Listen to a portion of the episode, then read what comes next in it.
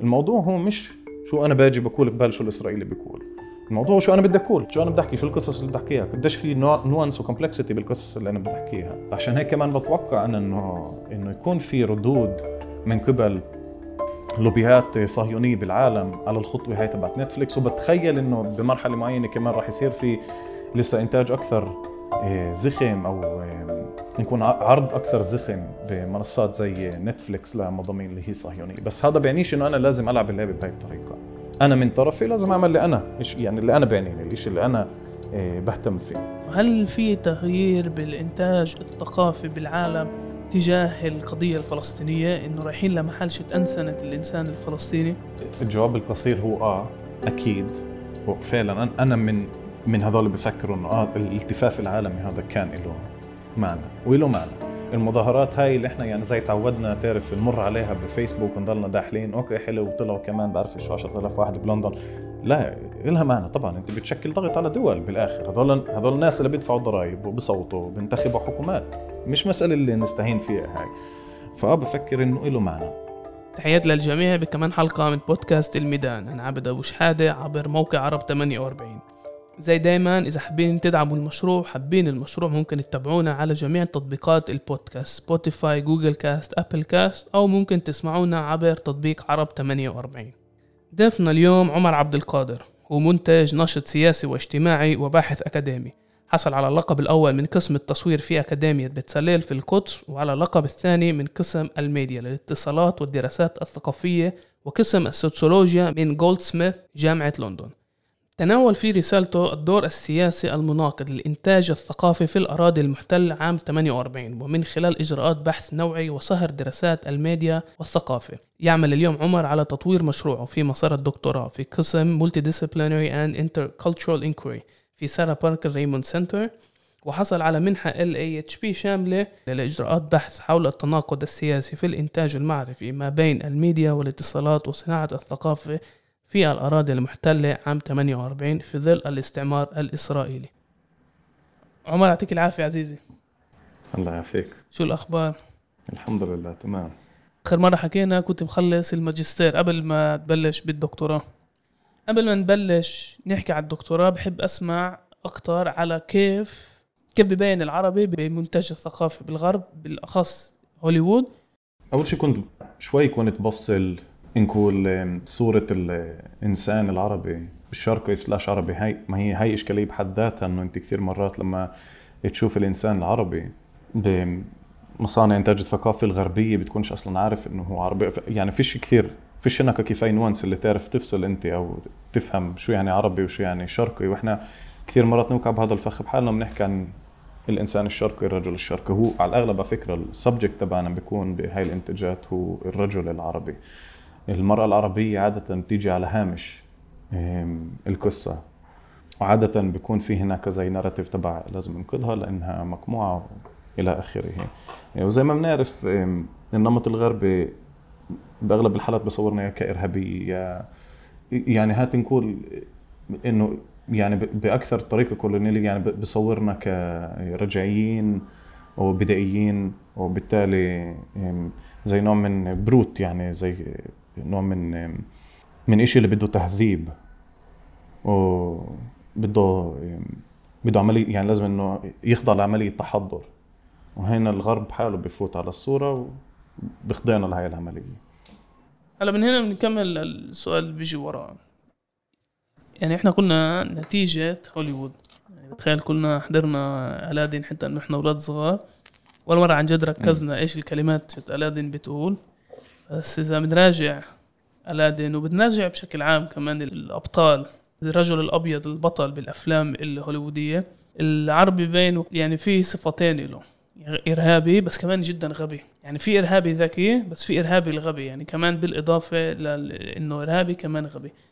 السؤال اللي بنطرح هنا يعني قديش هاي الأفلام عن جد بتأثر كمان على الواقع اللي إحنا بنعيشه على التعامل معنا؟ تخيل بما إنك أنت اليوم كان موجود بلندن. يعني تقدر تضيف كمان على العلاقة ما بين كيف العربي يعني بحس بالغرب بالذات مع المنتج الثقافي اللي رسم العربي بشكل جدا استريوتيبي وجدا سيء وكأنه أقل من الإنسان. أما هو يعني هاي هي بالضبط النقطة اللي, اللي بدأت فيها قبل وأنت هسه يعني زي فتحتها. ما هو الغب شغلة الغباء هاي اللي أنت ذكرتها هي مش عبثية هو مش إنه إرهابي وبرضه مش ذكي. الفكرة هي تصوير العربي والإنسان الشرقي على العموم. وإذا بتحكي عن علاء الدين فأنا مش متأكد وين جغرافيا القصة تبعت علاء الدين موجودة. يعني إذا بتشوف هي عمليا زي وهو على فكرة بتناولوه بتناولوه هاي المسألة في قلب هذا الفيلم. فيش كفاية nuance إنك تعرف بالضبط شو يعني geolocation تبع علاء الدين وين هالقصة بتصير. بس إحنا فاهمين إنه الرجل الشرقي هو ال subject تبعنا. فالفكرة هي دائما إنك تصوره كإشي زي ما قلت يعني زي مخلوق رجعي اللي بده تهذيب. راجع بالمفهوم هذا إنه فيش عنده rational انه بيقدرش يسخر عقله. وعشان يأخذ قرارات وبالتالي بتصرف دائما من محل عاطفي من محل اللي هو بدائي. وعشان هيك هو كمان إرهابي صح؟ لأنه يعني الطريقة الوحيدة اللي فيها بيقدر نقول negotiate الوجود تبعه بالحياة هو من خلال العنف ومن خلال بتعرف أساليب اللي هي رجعية. هسه بخصوص مسألة التأثير على الوعي أنا يعني بفكر موقفي واضح من يعني من هاي النقطة. بفكر إنه السينما هي من أقوى أدوات عبر التاريخ كانت بالذات عشان بالذات من ما انوجدت يعني بالتاريخ تبعنا التاريخ الآني تبعنا إيه، لتشكيل وعي الشعوب. وإحنا بنشوف هذا الإشي مرة ورا مرة من خلال صناعات مثل هوليوود. وهسا نتفليكس بكيف إحنا بنصير نتناول الواقع السياسي تبعنا من خلال الأنماط اللي بتتصور لنا بالسينما. نقدر نوسع هاي النقطة ونحكي عنها بكمان سياقات زي كل ما يعتبر كوميونيكيشن يعني كل مجال الاتصالات بس أكيد هذا الشيء اللي بيلعب دور كبير. عشان هيك بفكر برضه في حواليه ضجة كبيرة كل الوقت. صح يعني مسلسلات زي فوضى ما نمرش عليها مر الكرام بالسياق تبعنا. موضوع موضوع ل يعني موضوع حديث لما لما تنتج ف بفكر إنه تقريبا يعني واضح هذا الشيء بهاي المرحلة. بفكر لازم نتعمق شوي بمسألة آه، فوضى. يعني اولا إحنا بنحكي على منتج إسرائيلي اللي فيه ممثلين عرب من عنا قدر يوصل لجمهور عبر نتفليكس جمهور جدا واسع. وبنطرح هنا السؤال يعني هل المنتج هو بروباغندا لأهداف سياسية لدول وأنظمة سياسية؟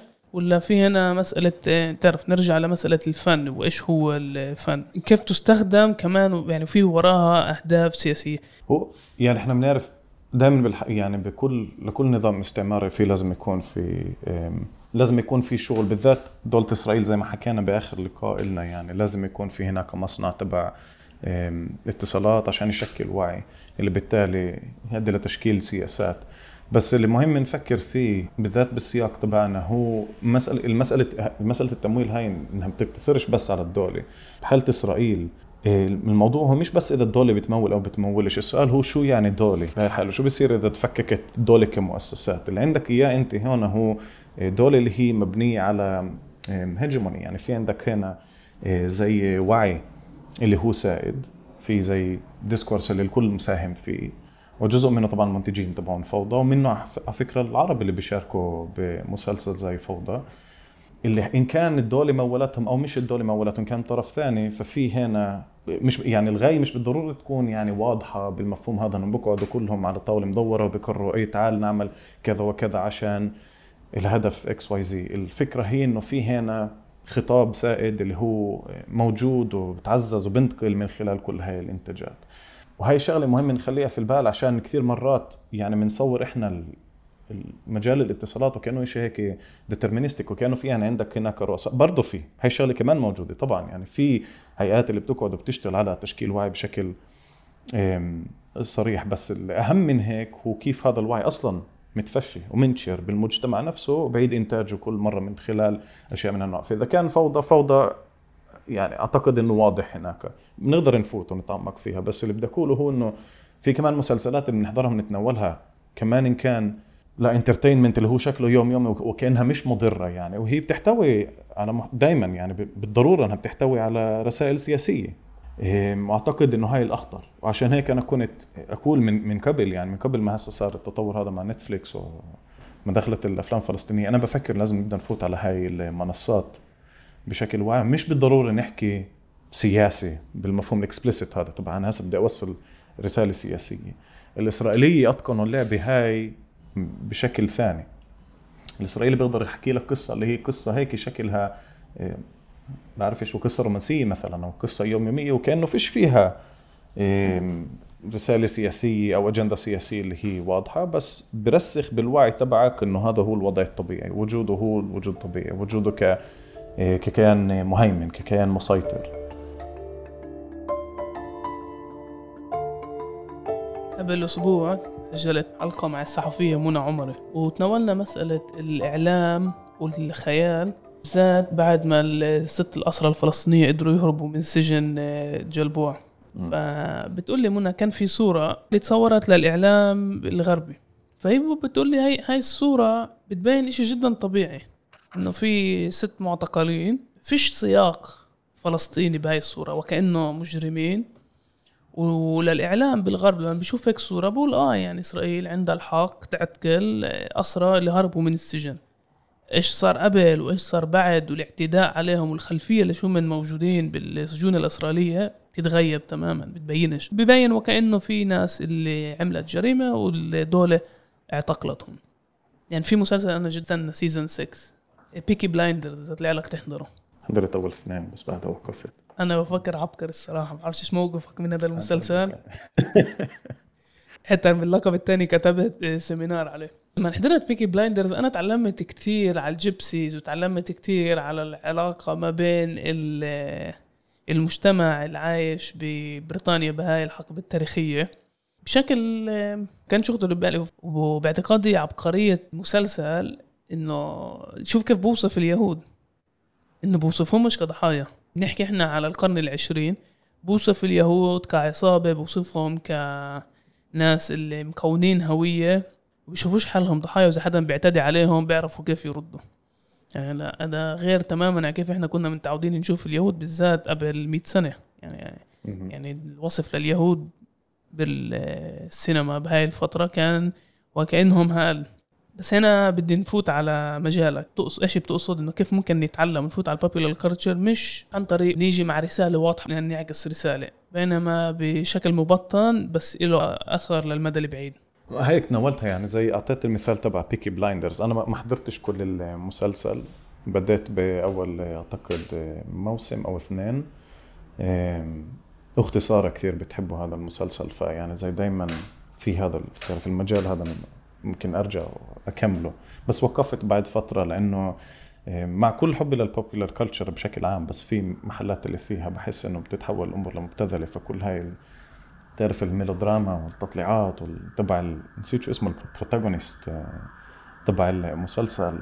شوي turn off من ناحيتي. فكان في هناك شيء مع الثوريين الإيرلنديين إذا مش غلطان أو يعني كان في هناك يعني الطريقة اللي فيها بتناول المسلسل الحركه ما كانش يعني كان كأنه على هامش القصة الرئيسية تبعتنا اللي هي كان هناك قصص. حب إذا أنا مش غلطان كمان مرة مش بتذكره منيح بس يعني هو مش ك... ما كانش هذا هو الموضوع. بس بعدين أنت بتبدأ تتعلم عن الخلفية والسياق السياسي بدون ما حدا يحكي لك بشكل مباشر تعال هاي إحنا رافعين العالم بدنا نعمل كذا وكذا. وهذا دارج جدا اليوم بالإنتاج الثقافي الغربي. قبل فترة حضرت مسلسل اسمه داونتن ابي اللي فيه بيحكوا زي عن الطبقة الأرستقراطية البريطانية بداية القرن العشرين. وفيه كمان مرة بتشوف أنت بتفهم كيف بتشكل الوعي بعد الحرب بعد الحرب العالمية وكيف كيف الشعب بتناول هذا الموضوع بدون ما هو يكون الموضوع الأساسي. هو هو مبلا يعني بأخذ أجزاء كبيرة من المسلسل بس هو مش الموضوع الأساسي. الموضوع الأساسي هي قصص حب تعرف دراما. يعني القصة اللي إحنا بنعتبرها دراما. إيه، وبفكر إنه هاي يعني أقوى الطريقة اللي فيها أنت توصل توصل لرسائل سياسية، هسا كمان بفكرش إنه إحنا لازم نحمل الإنتاج الثقافي وبنسميه فن. هاي المسؤولية مسؤولية الثورة وهي إنه كل مرة يحمل رسائل سياسية مبطنة أو شو ما كان. بفكر إن أنت إذا أنتجت بشكل نقدي شو ما كان السياق تبعك؟ بالضروري رح تتناول سياسي. يعني رح يكون عندك رسائل سياسية.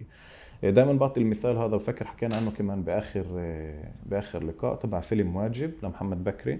مثل هو ابنه هناك وبيحكي عن كل العادات والتقاليد العربية في مجتمعنا في الداخل الفلسطيني لما في عرس كيف بحضروا للعرس كيف تعرف كل الديناميكية العائلية هاي وكيف بتروح بتبدأ الجاره والجار في هناك قصة مع الأخت والابن اللي حابب أصلا يهاجر برا وأبوه بيحكي للناس إنه دكتور وهو بيكون مهندس معماري إذا أنا مش غلطان. هاي من ناحيتي أنا هذا محتوى اللي هو مشبع سياسي.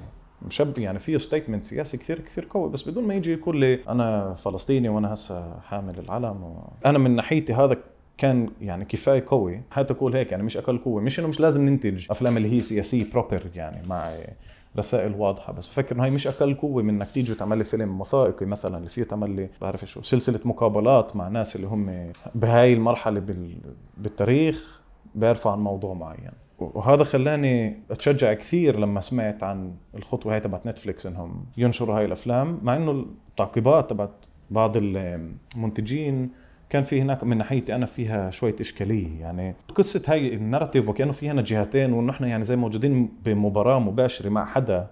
يعني زي, زي لازم نفوت معه بحوار discourse اللي هو بهاي الحالة هو visual آه لازم ننتج أفلام قبال الأفلام اللي هو بينتجها. أنا بشوف فيها إشكالية كبيرة. الموضوع هو مش شو أنا باجي بقول قبال شو الإسرائيلي بيقول.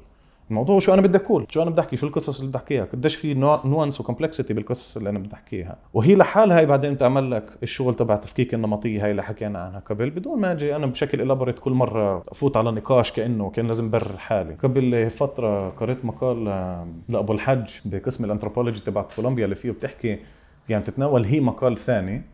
وبتحكي عن عن كيف بهذا المقال يعني كأنه حدا بينتقد إسرائيل ناسي مين كان الكاتب وبحكي عن كل موضوع هاي إنه كل ما ينحكى عن إشي بالسياق الفلسطيني يعني نقول يتناول موضوع اللي هو يعني له علاقة بالشأن الفلسطيني زي بعرف شو الحالة السيئه بغزة على سبيل المثال. دائما في هذا الريتريشن تبع إيه، إسرائيل لها الحق تدافع عن نفسها. وكأنه يعني يعني زي هاي يعني هاي لازم تكون عقبال هاي دائما لازم نأكد إنه إحنا موجودين هنا بحوار.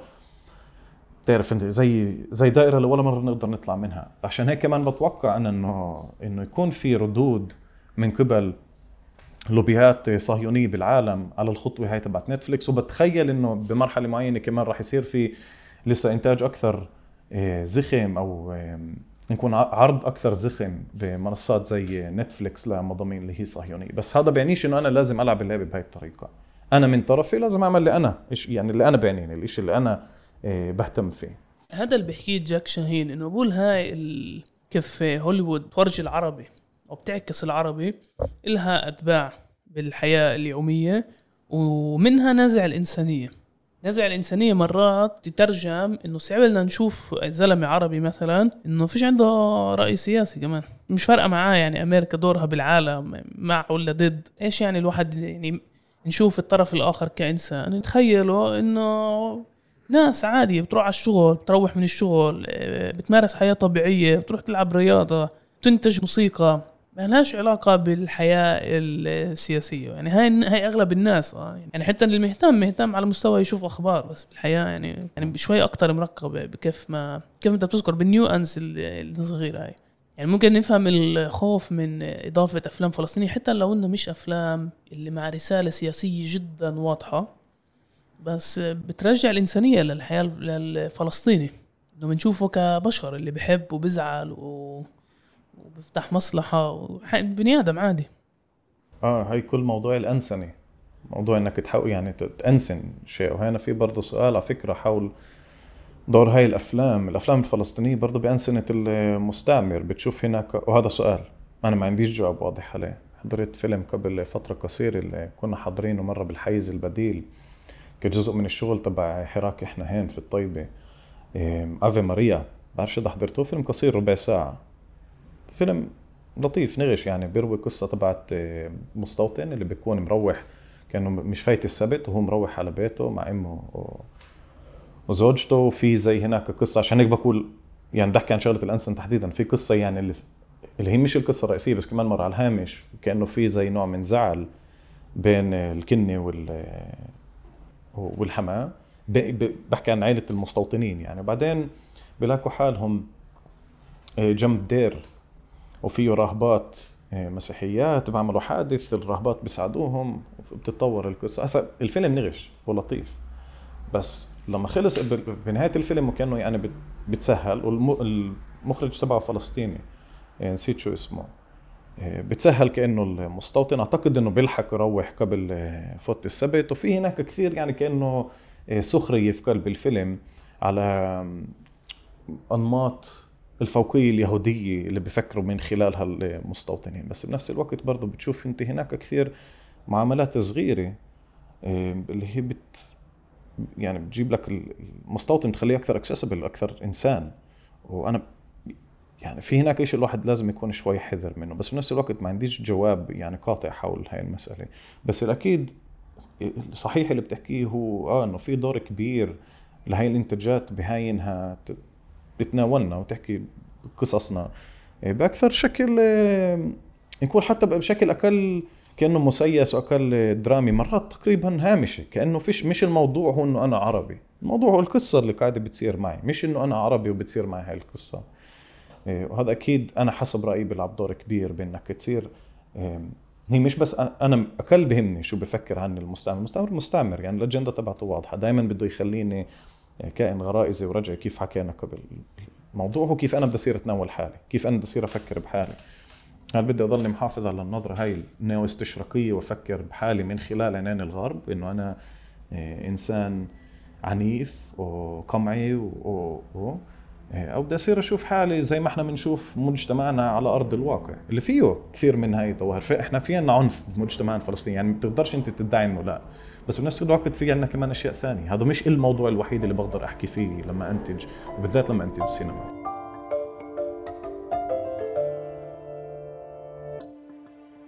مسألة الإنتاج الفن بتدخلنا على مسألة طبقية. من هنا بنكمل وبنقول أوكي طب الإشي العفوي اللي بيطلع مني بعد ما أفهم أو أتعمق بمسألة الإنتاج الثقافي بالغرب هو ليش إحنا بالمرة بنحضر هوليوود؟ بس من ناحية تانية هل في عنا القوة ننتج ثقافة بهذا المستوى بدون ضخ الميزانيات الموجودة بهوليوود أو نتفليكس أو هاي المؤسسات؟ آه في هذا الادعاء السائد اليوم إنه بسبب ما يعتبر يعني democratization تبع وسائل الإعلام.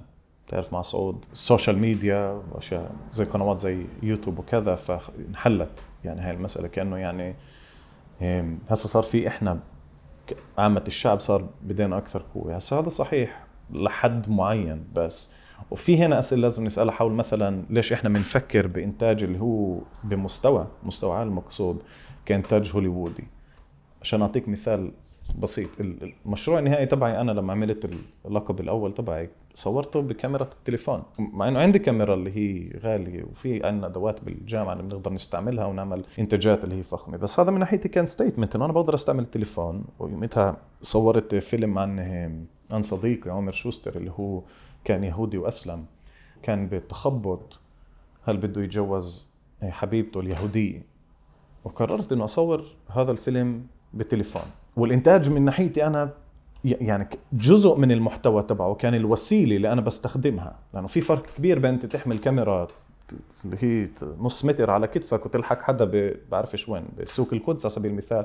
وبين تحمل تليفونك الصغير وذكر حتى رحنا على الأقصى يوميتها كان في جنود اللي هم عاده بيردوا فعل على هيك مسائل. اللي وقفوه سألوه كم سؤال بس كانوش منتبهين إنه أنا قاعد بصور بالتليفون. ف فهي مركبة المسألة هاي. آه من ناحية واحدة في عنا اليوم أكثر وسائل وأدوات اللي نبدأ ننتج بشكل ثاني ما يسمى alternative أنا بحبش هاي التسمية بس عشان عشان الحديث يعني تعال نستعمل. بعرف إيش نستعمل أدوات زي التليفون ونعرض بمحلات زي يوتيوب ومش عارف شو كمان في.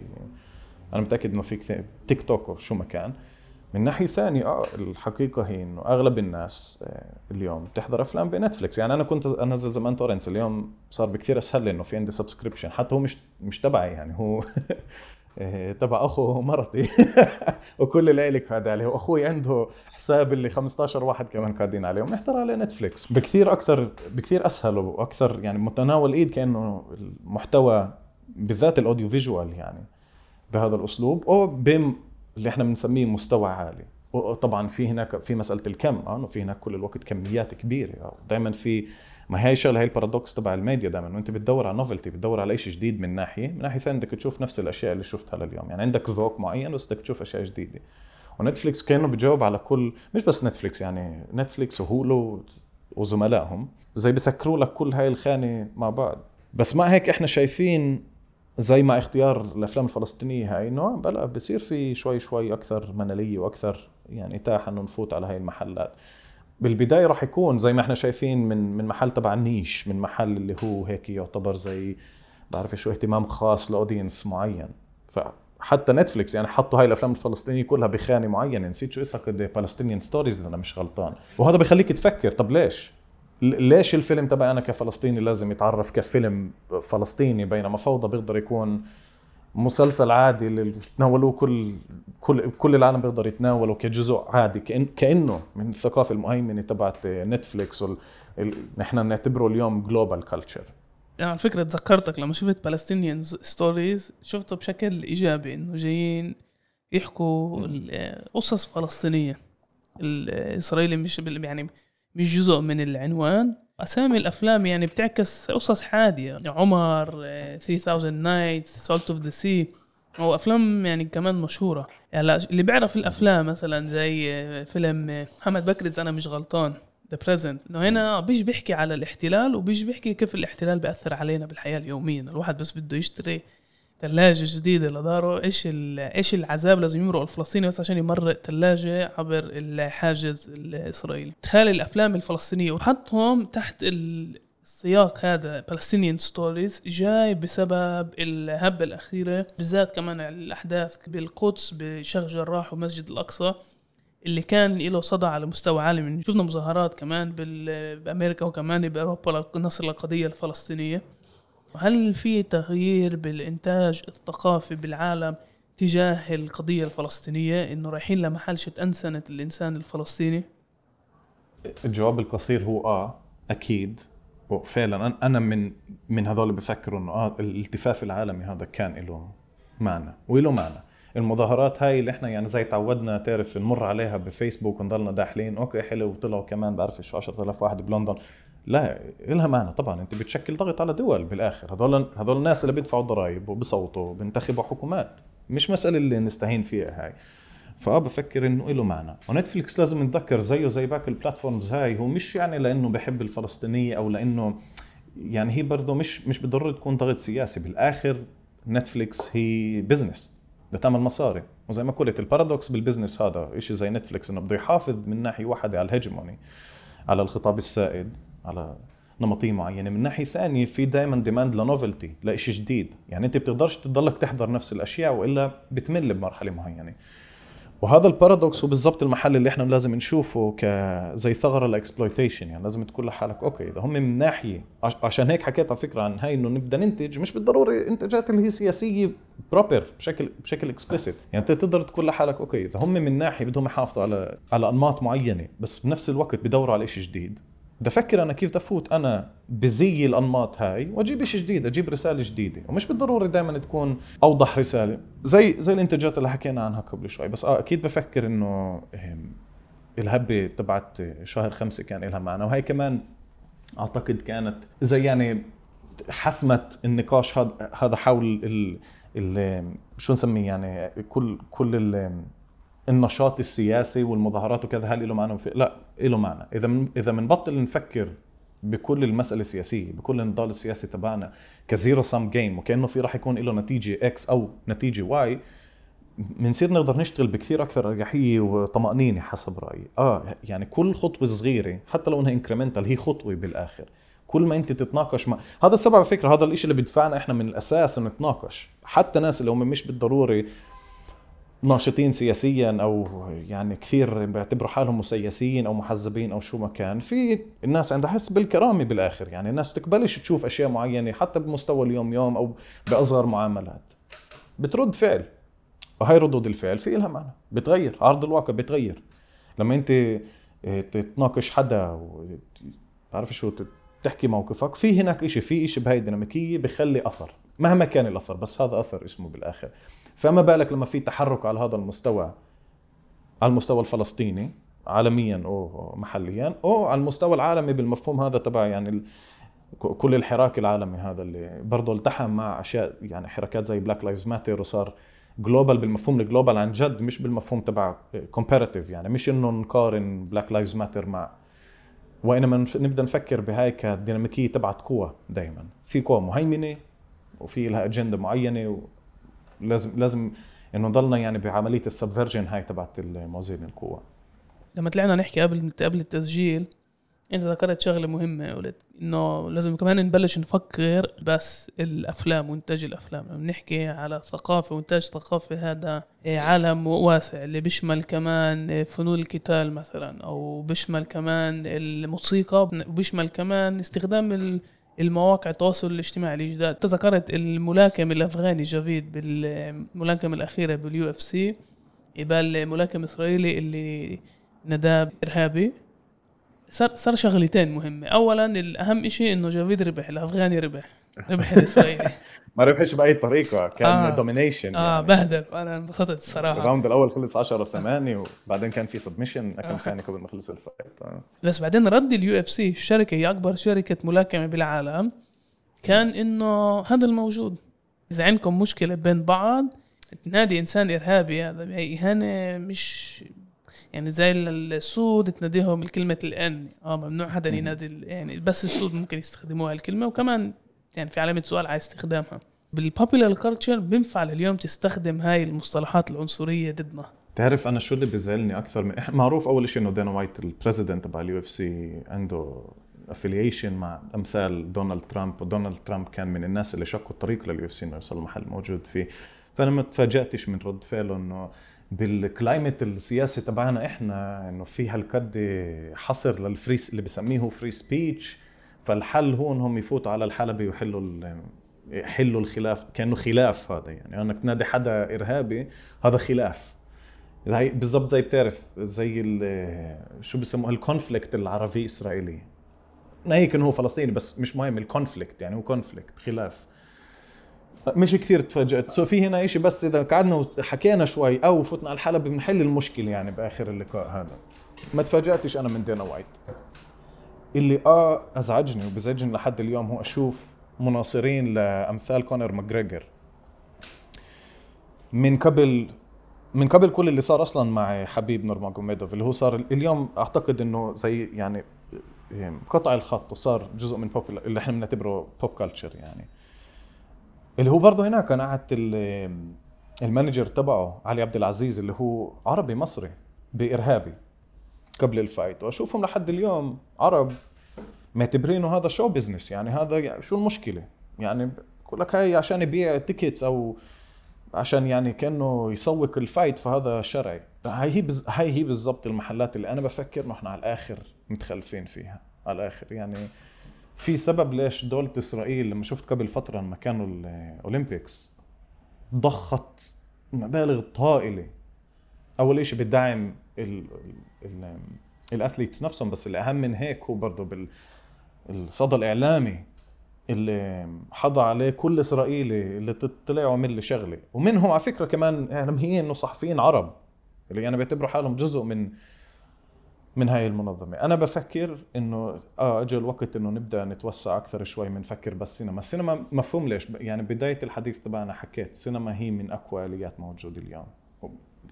كمان مرة يعني هي بمتناول إيد عندك نتفليكس بآخر الليل خلصت يوم شغل صعب تروح تفتح وبتحضر لك مسلسل. مش فوضى بتأمل بتأمل إنه ولا حدا من اللي يسمع هذا البودكاست راح يحضر فوضى. بس بده يحضر شيء ثاني اللي كمان فيه أنماط مخبية بقلب المضامين هناك بين الأسطر مرات وتترسخ شوي شوي بالوعي. وهذا على فكرة هي هي مش يعني ما حدا يفكر حاله ولا أنا بعتبرش حالي إنه أنا كأنه فوق يعني أعلى. من إنه هاي الأنماط تترسخ أنا بعرف لحد اليوم كل ما أمر جنب Apple Store هنا في, في الشارع تبعنا بعرف إنه الدعاية هذا تشتغل معي. وبعرف إنه هو كأنه يعني زي نوع من النضال على المستوى الشخصي. آه أربع سنين مع نفس التليفون. سامسونج كامب على فكرة ولا مرة Apple بس بعرف انه إنه الدعايات هاي بتشتغل علي. بعرف لما أشوف كل ال 3D هذا وال animation وبتعرف يعني إنه في شيء هناك قاعد جواتي قاعد شوي شوي بقتنع شوي شوي هنا في شيء بيرسخ إنه أنا بحاجه لهذا الشيء إنه هذا هذا الشيء عن جد لازم لازم أستثمر إنه هاي هي الحقيقة هذا هذا الشيء الطبيعي. ونفس الشيء مع الأفلام آه إذا بتحضر كفاية مسلسلات شوي قديش أنت واعي.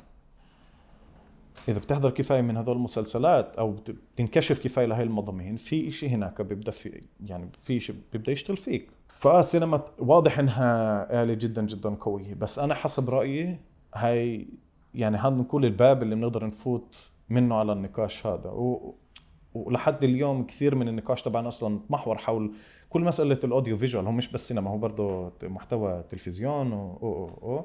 إيه، لأنه بطبيعة الحال لما لما في لها هالقد قوه فهناك راح راح يأخذ النقاش. وكثير من نقاش ال BDS مثلا كان حول مسألة السينما و... ولأنه على فكرة السيروره تبعت الإنتاج نفسها برضه فيها هناك إشكاليات. مثلا إنه أنت بتقدرش تنتج فيلم زي ما حكينا قبل بميزانيات ضخمة بدون ما تأخذ من الدولة. بينما بتقدر تعمل بودكاست زي اللي أنت عامله إيه، مع نقول enterprise اللي هو أصغر شوي من دولة. إيه، بس بنفس الوقت بفكر أنا إنه ال enterprise اللي هو أصغر شوي في له دور كبير. وهيك لازم نبدأ نفكر باقي المجالات. مش بس سينما زي ما قلت موسيقى وراديو ورياضة وكل محل اللي فيه تمثيل. أي representation بدك تفكر representational politics يعني فيه سياسة تمثيل. وساعتها في هناك إنتاج تبع وعي إنتاج ثقافي. إيه، فأنا حسب رأيي لازم نكون إيه، يعني نبدأ شوي شوي نفكر بكمان اتجاهات. مش شوي شوي لازم نبدا نفكر بكمان اتجاهات فهذا من ناحيتي أنا بعتبره جزء من pop culture لما تحكي لي مثلا MMA أو بعرف شو فكر بشخصية زي محمد علي اللي هو يعني محمد علي تعرف من الشخصيات هاي اللي هو عابر ال discipline تبعه. ما يعني ما حدا اليوم بفكر محمد علي الملاكم. تمام يعني هو مفهوم إنه هذا كان كمان مرة الباب اللي فات منه. بس محمد علي الأثر التاريخي تبعه قطع الملاكمة. ولو كانوا ملاكمين أحسن منه عبر التاريخ إحنا بنعتبره هو المرجع بالملاكمة.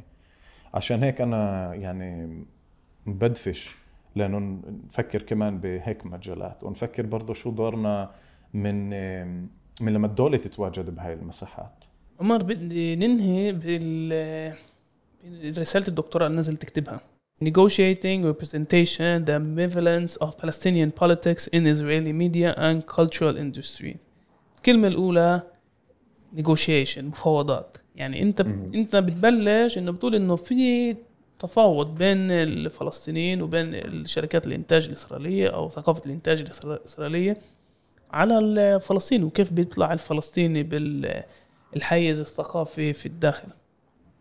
بكل ما يعنى بالاتصالات بكل شيء اللي هو communication outlets آه منه الإنتاج الثقافي طبعا بس آه طالما أنت فتت وهذا اللي بتعرف ال ultimate paradox تبعك انت كمستعمر صاحب البلاد. وكيف تقدر تتحرك بهذا الحيز بدون ما الدولة تطب فيك أو انت تطب بالدولة بدون ما يكون في interaction هو شبه مستحيل إحنا بنعرف بهاي المرحلة. في أشياء أو محلات اللي حطينا عندها خط أحمر وكل هذا ممنوع. في أشياء اللي بنعتبرها إحنا كأنه يعني بحاجة لها حاجة ماسة ضروريه فبنسمح لحالنا.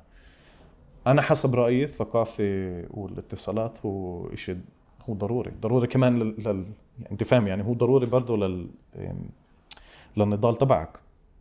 مش بس ضروري لإلك كإنسان هو كمان ضروري للنضال تبعك. بس برضه إلك كإنسان بالذات بالذات بالعالم تبعنا اللي هو ال mediated يعني أنت وين تطلع اليوم في ميديا حواليك؟ فكيف تقدر إنك تهمشه هذا وتقول خليه لبعدين؟ فيش بعدين فيش vacuum ولا مرة حيكون في vacuum. الإنسان بده يفتح بده يفتح قنوات بشكل أو بآخر.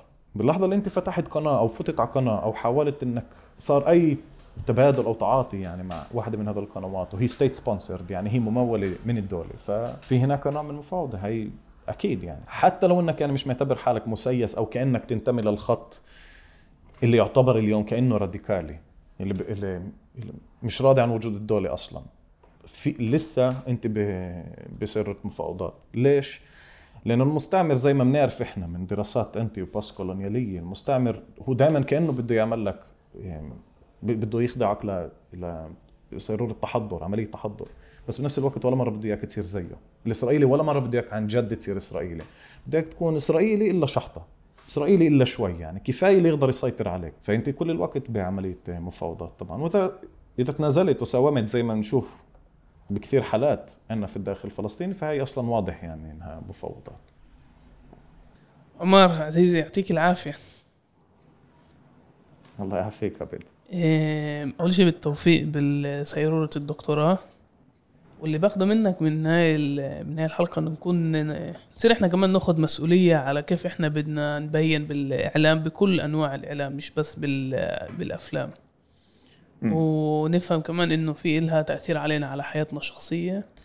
آه هو باللحظة اللي أنت بتعمل هذا الربط بين إنتاج ثقافي وبين آه، إعلام واتصالات وبين حياة بشر بصير آه، تستصعب بعدين إنك تتخلص منه من هذا الوعي النقدي. بنفس الوقت بس بدي أحذر من هاي إنه الواحد يفوت بدوامة اللي ما يطلعش منها. يعني في كثير ناس اللي موجودين بهذا الخطاب اللي بيقدروش اليوم يحضروا فيلم ويستمتعوا فيه. ما هي شغلات بتضل معك. يعني انت بتعيشها إحنا بنحكي عن أشياء اللي هي يعني أنا كل يوم بحضر نتفليكس باليوم أقل شوي بس يعني الإنسان المتوسط يعني أنا بالعادي يعني كل يوم بحضر نتفليكس بقدرش أقعد وإنسان بدني كل ما حدا يحكي جملة اللي هي أنا ما أعتبرها مش محلها. بدي أفهم إنه هاي سيرورة طويلة الأمد وأنا لازم أخطي فيها خطوات. ألاقي زي مساحات اللي فيها أنا contest ألاقي مساحات اللي فيها أنا أشتغل الشغل تبعي اللي هو شغل تفكيكي. شكرا عمر. العفو عبد شكرا يعطيك العافية. الله يعافيك. هي كانت كمان حلقة من بودكاست الميدان. إذا حبيتوا الحلقة وحابين تدعموا المشروع ما تنسوش تتابعونا على جميع التطبيقات البودكاست. سبوتيفاي جوجل كاست أبل كاست إيش ما مريح إلكم. طبعا ممكن تسمعونا عبر تطبيق عرب 48 إذا في عندكم ملاحظات ممكن تبعتوا ملاحظات على البريد الإلكتروني اللي مرفق بتعريف الحلقة.